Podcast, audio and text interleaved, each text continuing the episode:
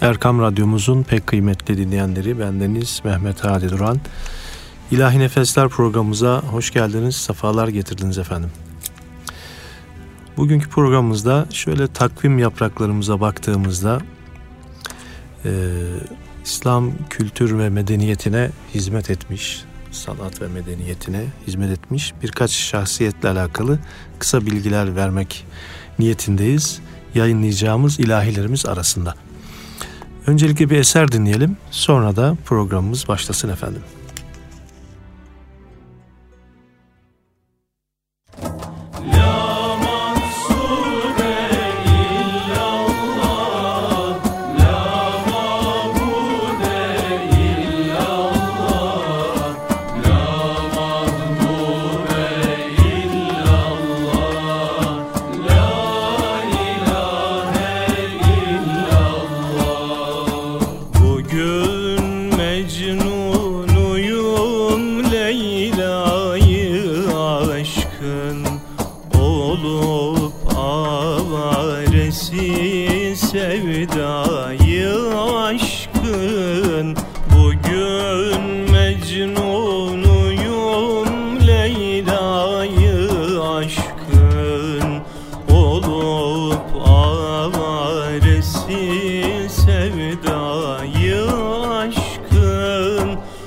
Heart.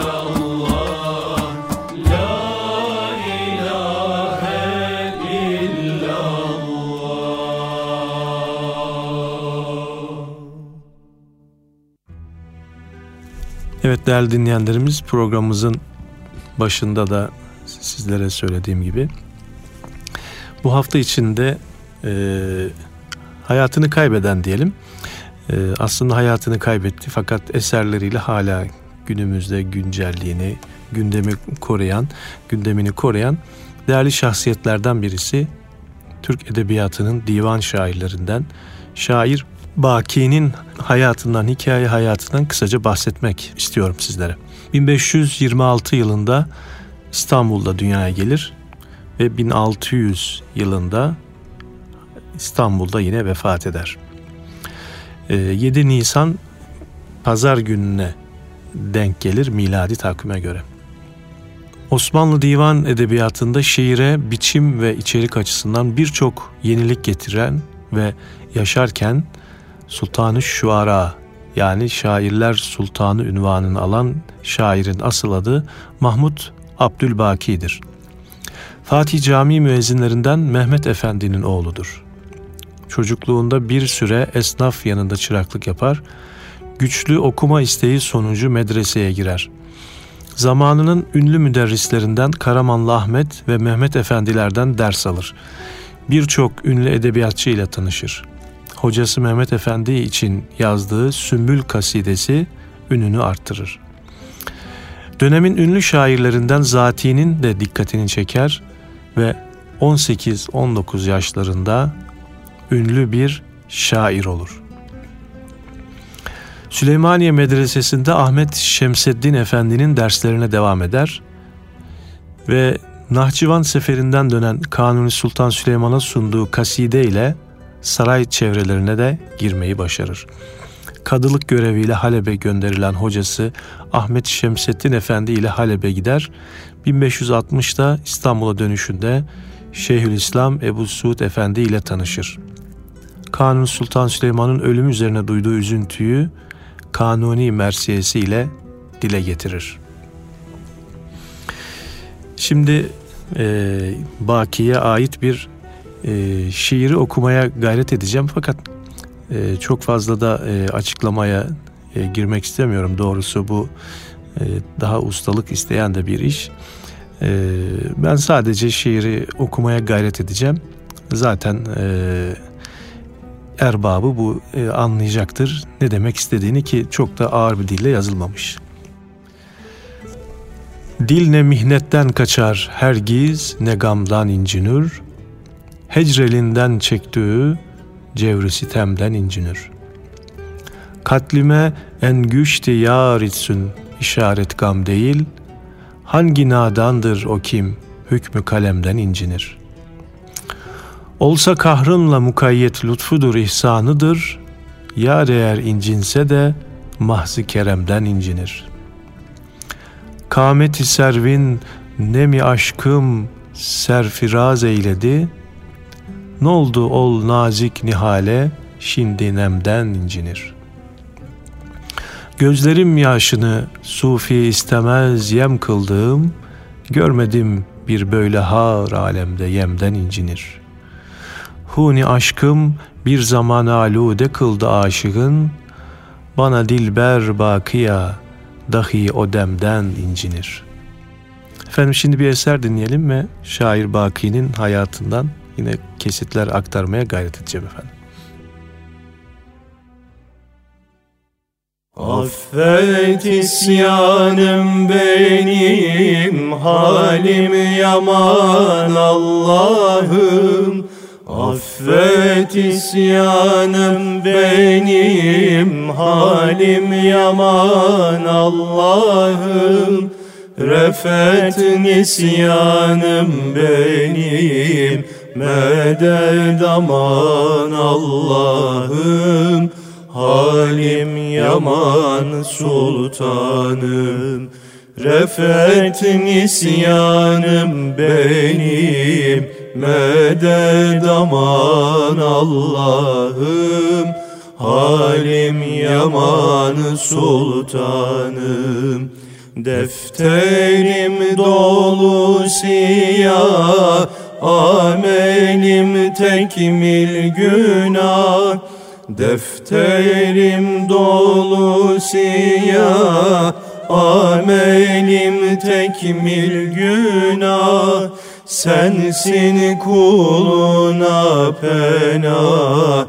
Medet aman Allah'ım Halim yaman sultanım Sensin kuluna pena Medet aman Allah'ım. Halim yaman sultanım. Aşkı azad eyle Cemalinle şad eyle Aşkı azad eyle Cemalinle şad eyle. Kulum diye yad eyle Medet aman Allah'ım. Halim yaman sultanım. Kulum diye yad eyle Medet aman Allah'ım Halim yaman sultanım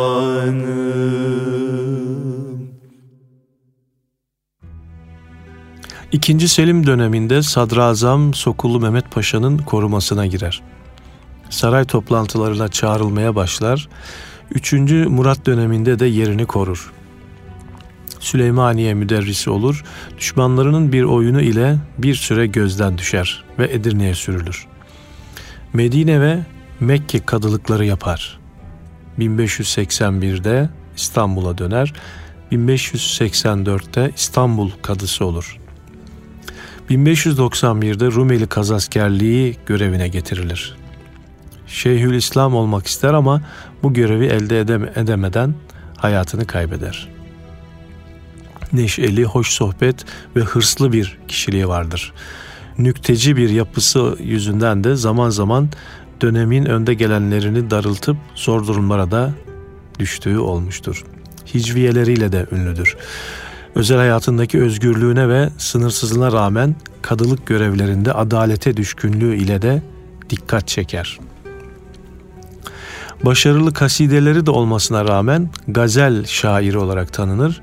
Dünyanın geçiciliğinden yakınan okurları aşk ve ızdırabın tadını çıkarmaya çağıran gazelleriyle de yine ünlenir.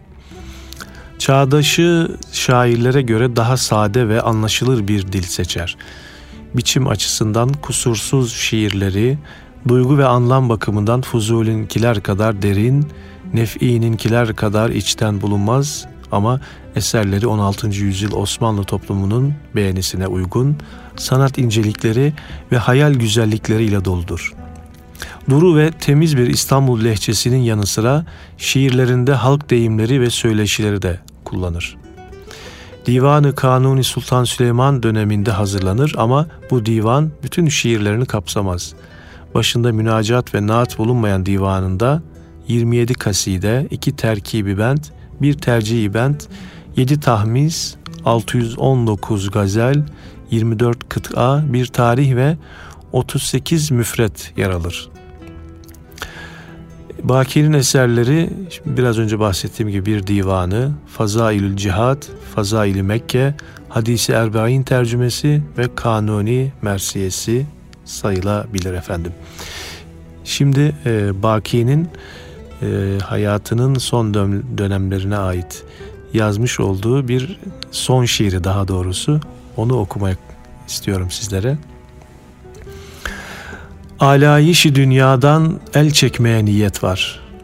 Yakında Adem derler bir şehre azimet var. Uçtu bu fezalardan mürgi dilin alanım, aram demez oldum efkarı seyahat var. Nuş eylese bir aşık ta haşredek ayılmaz. Bezmi feleğin bilmem camında ne halet var. Bu halet ile ey dil sağ olmadı alemde. Derdu gamı dilberle ölmekte letafet var. Gittikçe harab eyler mülki dili viranı, Dehrin bu cefasından bir şaha şikayet var. Ser terkine kaildir dünyaya gönül vermez. Terk ehlinin ey baki başında saadet var der. Efendim Rabbimizden bakiye rahmetler diliyoruz ve şimdi bir eser dinliyoruz. Sonra sohbetimiz, programımız kaldığı yerden devam edecek efendim. Bülbüller sazda Güller niyazda Bülbüller sazda. Güller niyazda Söyle namazda. Elhamdülillah Söyle namazda Elhamdülillah. Koşuşur herkes Duyulur bir ses. Koşuşur herkes Duyulur bir ses Der ki her nefes Elhamdülillah. Der ki her nefes Elhamdülillah. Oldum halveti Buldum devleti Oldum halveti. Buldum devleti Geçtim zulmeti. Elhamdülillah Geçtim zulmeti Elhamdülillah Aşkı zikreyle Mevti fikreyle Aşkı zikreyle Mevti fikreyle Daim şükreyler Elhamdülillah Daim şükreyler Elhamdülillah Evet değerli dinleyenlerimiz programımızın e, bu bölümünde e, bir başka İslam medeniyetinin en önemli şahsiyetlerinden biridir belki. Mimari sahada tabii ki.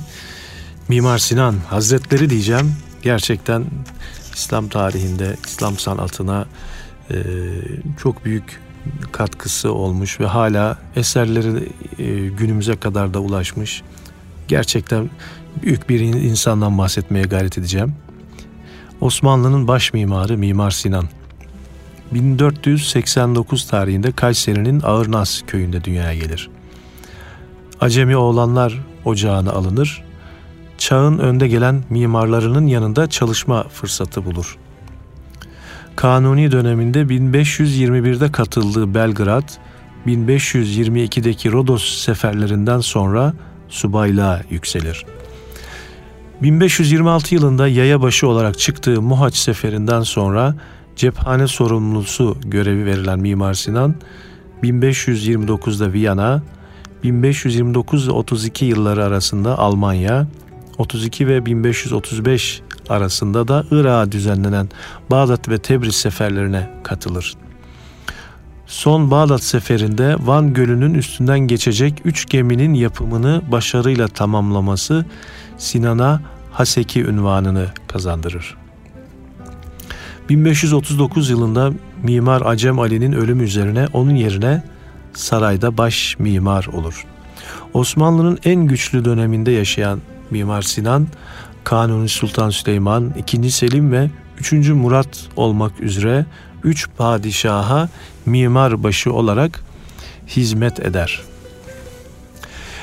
Malum Oluzet Türbesi de Süleymaniye Camii Külliyesi'nde hemen Haliç duvarının önündedir.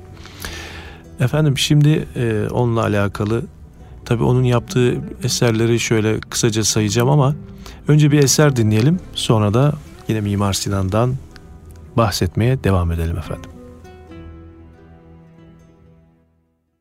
Cem olmuş dervişleri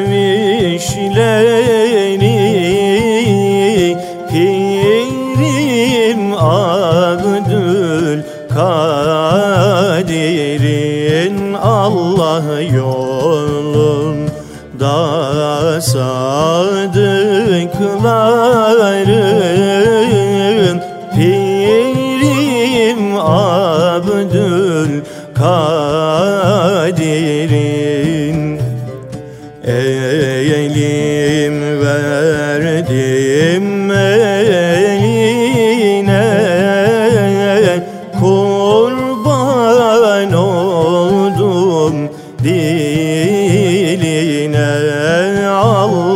canım feda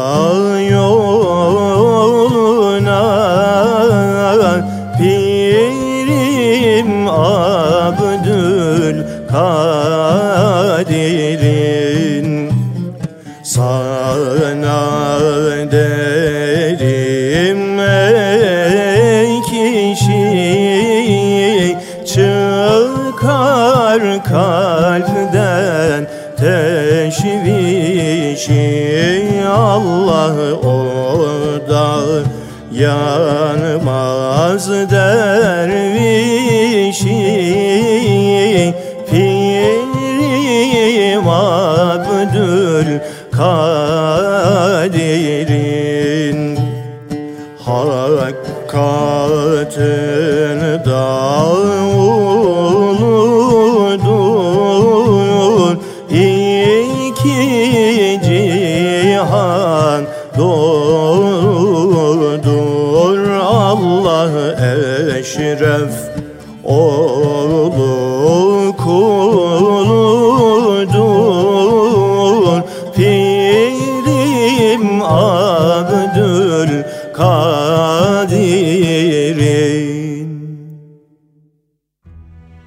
Evet, Mimar Sinan'ın yaptığı şöyle eserleri kısaca böyle bir hemen hızlıca saymaya kalksak.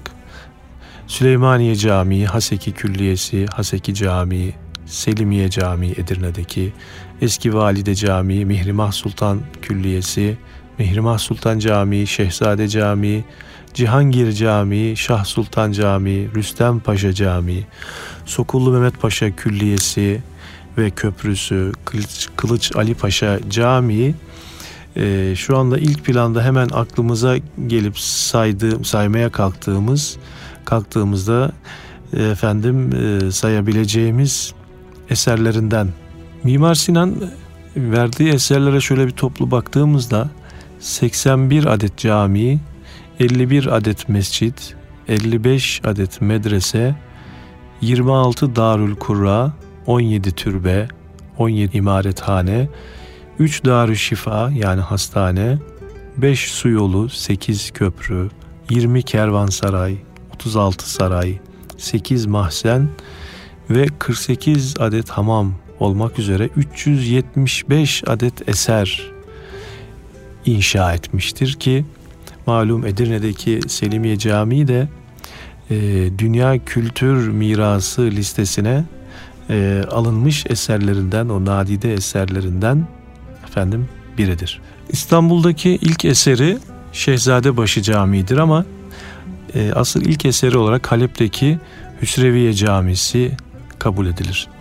Mimar Sinan'a kalfalık eserim dediği ve şaheseri olarak nitelendirilen Süleymaniye Camii'nin inşasındaki başarısı dolayısıyla ulu yüce anlamında koca ünvanı verilir.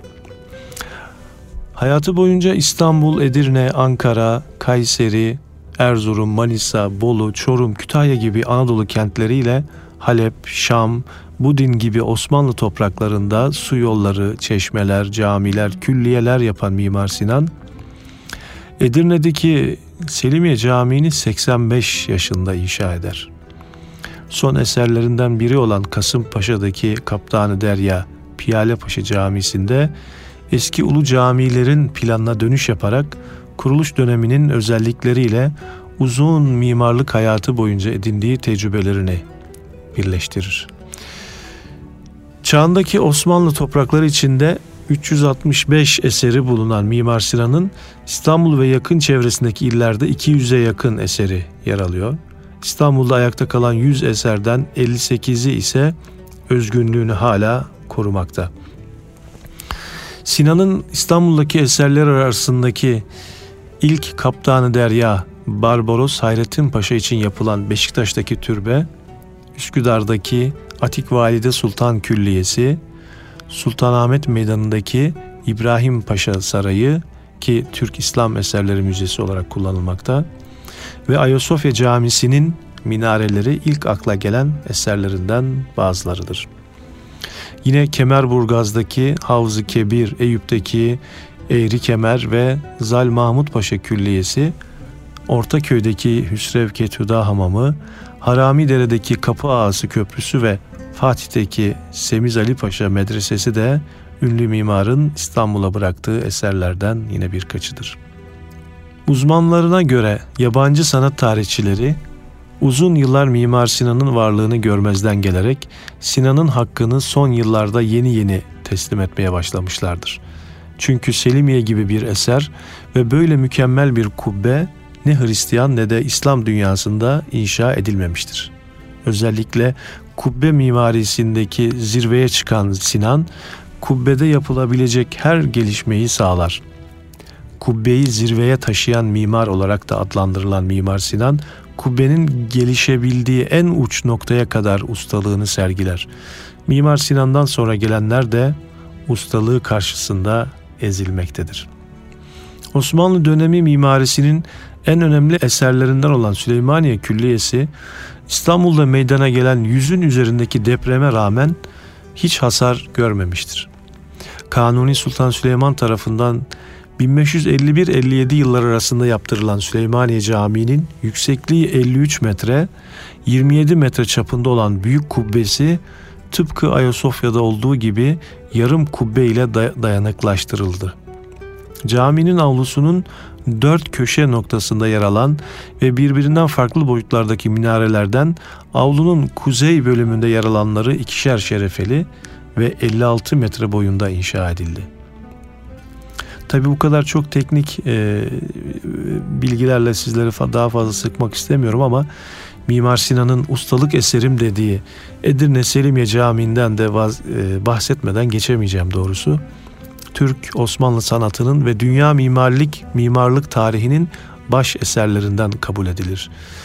Sultan II. Selim tarafından yaptırılan ve dört minaresiyle göze çarpan eser, kurulduğu yerin seçimiyle Mimar Sinan'ın aynı zamanda usta bir şehircilik uzmanı olduğunu da göstermekte.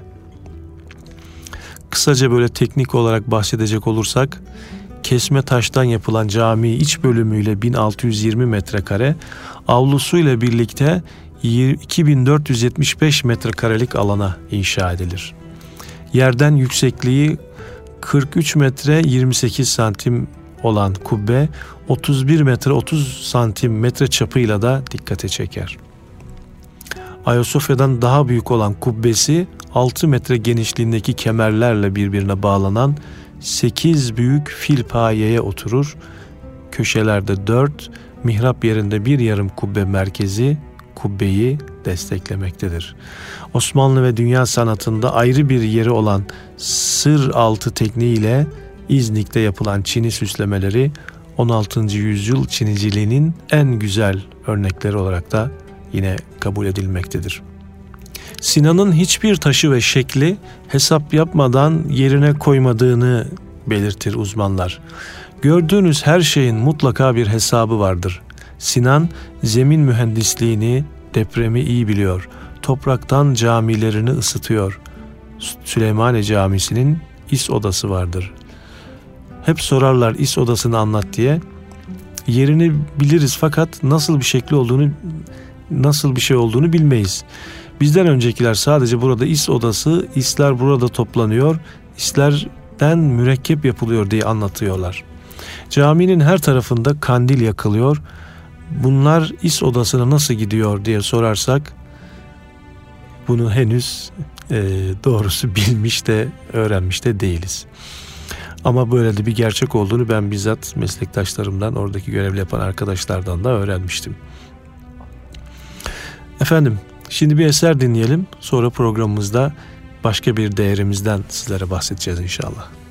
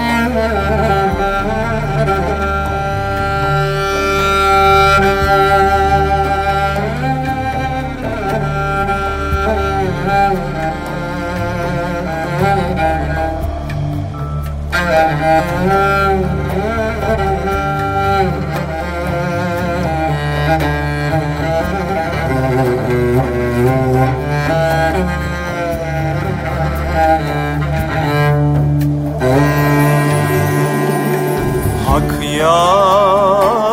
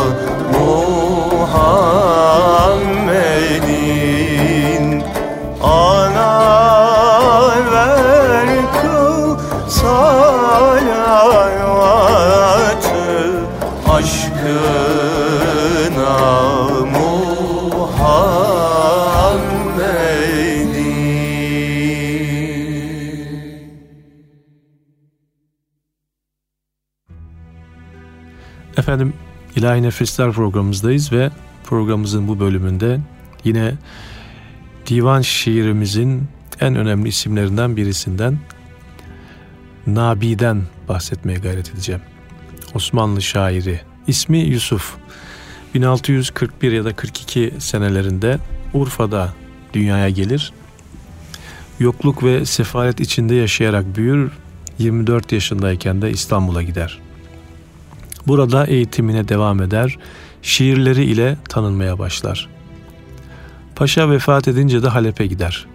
İstanbul'da geçirdiği dönemde birçok önemli isme, isimli arkadaşlıkları olmuş, sarayla da bazı ilişkiler kurmuştur. Bunun da etkisiyle Halep'te geçirdiği yıllarda ki yaklaşık 25 yıl devletin sağladığı imkanlarla rahat bir hayat sürmüştür. Eserlerinin çoğunu Halep'te geçirdiği bu yıllarda kaleme almıştır. Daha sonra arasının da iyi olduğu Halep valisi Baltacı Mehmet Paşa sadrazam olunca Nabi'yi yanına alır. Bu dönemlerde Nabi, darphane eminliği, baş mukabelecilik gibi görevlerde bulunur. Ayrıca bazı kaynaklara göre Nabi aynı zamanda çok güzel bir sese sahiptir ve müzik konusunda da fazlasıyla başarılıdır. Seyit Nuh ismiyle bazı besteleri olduğu bilinir. Nabi İstanbul'da 1712 yılında vefat eder. 13 Şubat'a tekabül eder bu da miladi olarak. Kabri Karacaahmet mezarlığında Miskinler Tekkesi'ne giden yolun sol tarafında olup 2. Mahmut ve 2. Abdülhamit tarafından tamir ettirilir. Nabi Osmanlı'nın duraklama devrinde yaşamış bir şairdir. İdare ve toplumdaki bozukluklara şahit olur. Çevresindeki bu negatif olgular onu didaktik şiir yazmaya itmiş, eserlerinde devleti, toplumu ve sosyal hayatı eleştirmesine neden olmuştur. Ona göre şiir hayatın, karşılaşılan sorunların ve günlük hayatın içinde olmalı, hayattan, insandan ve insani konulardan izole edilmemelidir. Bu yüzden şiirleri hayat ile alakalı çözümler üretmeye çalışan, yer yer nasihatte bulunan bir şairdir. Eserlerinin herkes tarafından anlaşılması ve hayatla iç içe olmasını istemesindendir belki de kullandığı dil yalın ve sadedir. Bende yok sabru sükun, sende vefadan zerre. İki yoktan ne çıkar fikredelim bir kere diyerek na ve bi kelimeleri Farsçada yok anlamına gelmektedir malum. Ve bu şekilde güzel bir ustalıkla da kendi ismini iki yoktan ne çıkar ne çıkar fikredelim bir kere diyerek bizlere anlatmakta. Efendim bir eser dinleyelim sonra da Nabi'den yine bahsetmeye devam edeceğiz inşallah. Aşkın ile aşıklar yansın ya Resulallah. Aşkın ile aşıklar yansın ya Resulallah. İçi başkın şarabını kansın ya Resulallah İçi başkın şarabını kansın ya Resulallah. Şol seni seven kişi verir yoluna başı. Şol seni seven kişi verir başı İki cihan güneşi. Sensin ya Resulallah. İki cihan güneşi. Sensin ya Resulallah. Şol seni sevenlere kıl şefaat. Anlara şol seni sevenlere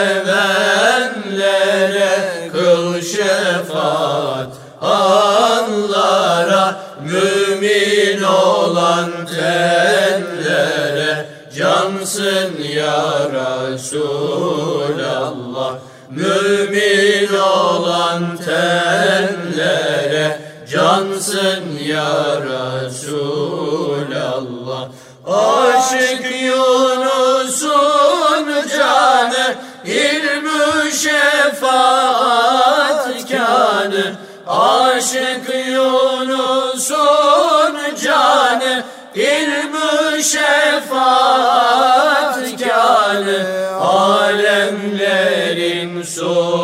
sultanı sensin ya Resulallah. Alemlerin sultanı sensin ya Resulallah.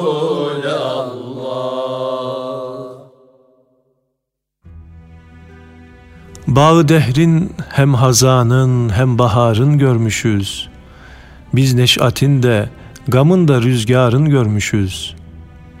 Çok da mağrur olma kim meyhaneyi ikbalde, biz hezaran mesti mağrurun hümarın görmüşüz. Topi ahi inkisara paydar olmaz yine, kişveri cahın nice sengin hisarın görmüşüz. Bir hurişiyle eder bin haneyi ikbali pest, ehli derdin seyli aşkı inkisarın görmüşüz. Biz hadengi can, güdazı ahdır sermayesi, biz bu meydanın nice çapuk süvarını görmüşüz. Bir güneyler dest beste paygahı caygah, bir adet mağruri sadrı itibarın görmüşüz. Kase-i deryüzeye tebdil olur camı murad, biz bu bezmin nabiya çok badeharın görmüşüz. Yine bir başka gazeli diyelim. Bir devlet için çarha temennadan usandık. Bir vasl için ağyara müdaradan usandık. Hicran çekerek zevki mülakatı unuttuk. Mahmur olarak lezzeti sahbadan usandık. Düştük katı çoktan hevesi devlete ama ol daiye-i dağdağa fermadan usandık. Dil gamla dahi destü garibandan usanmaz. Bir yer için ağyar ile gavgadan usandık. Nabi ile ol afetin ahvalini naklet. Efsaneyi Mecnun Leyla'dan usandık. Bazı şiirlerinde tabi siyasi mesajlar da vermiş devrin paşasıyla olan sorunları yüzünden. Şimdi bir tane daha e, bir şiirini okumaya gayret edeceğim efendim. Vermezdi kimse kimseye nan minnet olmasa. Bir maslahat görülmez idi rüşvet olmasa. Halkın meyanesinde bulunmazdı ittihat, meşreplerine vasıtayı hisset olmasa. Kendi vücuduna bile kıymazdı mali halk, kasti nümayişü şerefü şevket olmasa. Yok bir garez muamele ehli zamanede, kimse ibadet etmez idi cennet olmasa. Tahsili ilmin üstüne tercih eder minaz, tahsili mal, vasıtayı rifat olmasa. Gümya bidi miyan ile imandan imtizac, ma beyinde alake cinsiyet olmasa. Badı bürud ederdi füsurda bedenleri, nar tama müeddi germiyet olmasa. Etmez zuhur arşede bir kimseden kerem, zımnında kastı daiye-i şöhret olmasa. Bakmazdı kimse ayine-i safe nabiya, hodbinlik alakasına alet olmasa. Efendim e, bugünkü programımızda üç tane e, bu hafta hayatını kaybeden Nisan ayının bu ikinci haftasında hayatını kaybeden üç değerli şahsiyetten sizlere kısaca bahsetmek istedim ki onların ruhunu şad etmek, muazzez kılmak için. Bunlardan bir tanesi şair Baki, diğeri Urfalı şair Nabi idi ve bir diğeri de Mimarbaşı Osmanlı'nın en önemli şahsiyetlerinden Mimarbaşı Mimar Sinan'dan bahsetmeye gayret ettik. Bu vesileyle onların ruhunu şad edelim ve onlar için birer Fatiha gönderelim efendim. Programımızda güzel bir eserle veda ederek sizlere Allah'a ısmarladık diyelim efendim.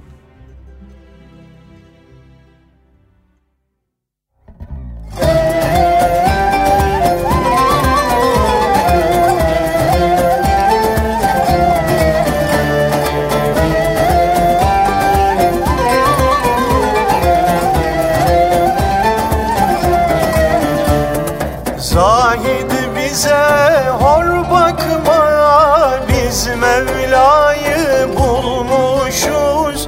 Zahid bize hor bakma Biz Mevla'yı bulmuşuz. İnsafda bırakma Hak ile hak olmuşuz. İnsafda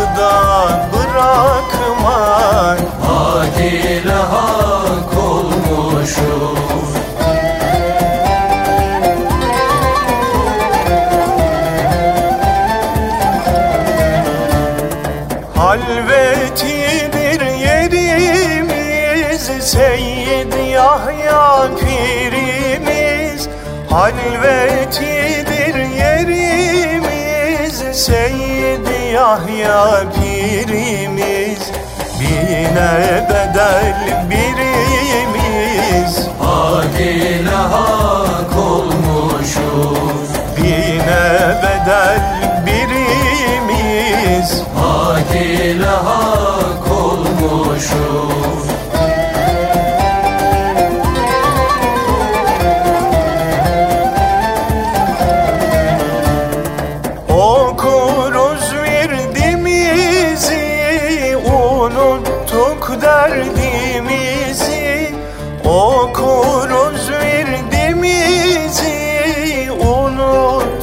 derdimizi Mevlam yüceltti bizi. Hak ile hak olmuşuz. Mevlam yüceltti bizi. Hak ile hak olmuşuz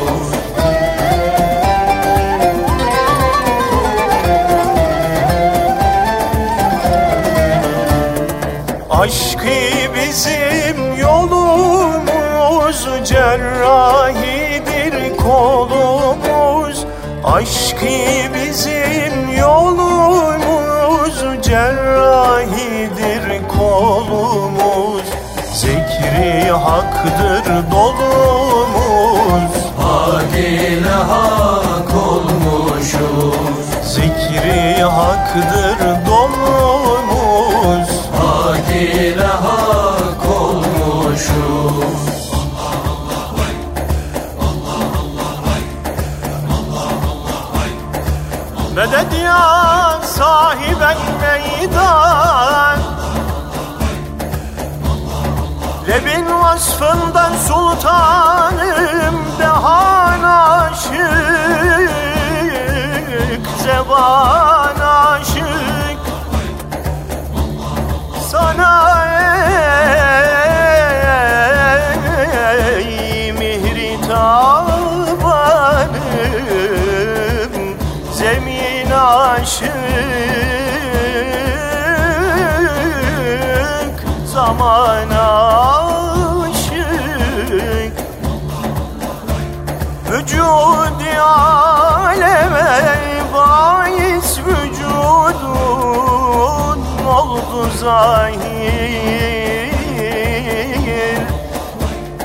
الأول إلى الأخير Sana kevnü mekan aşık Medet ya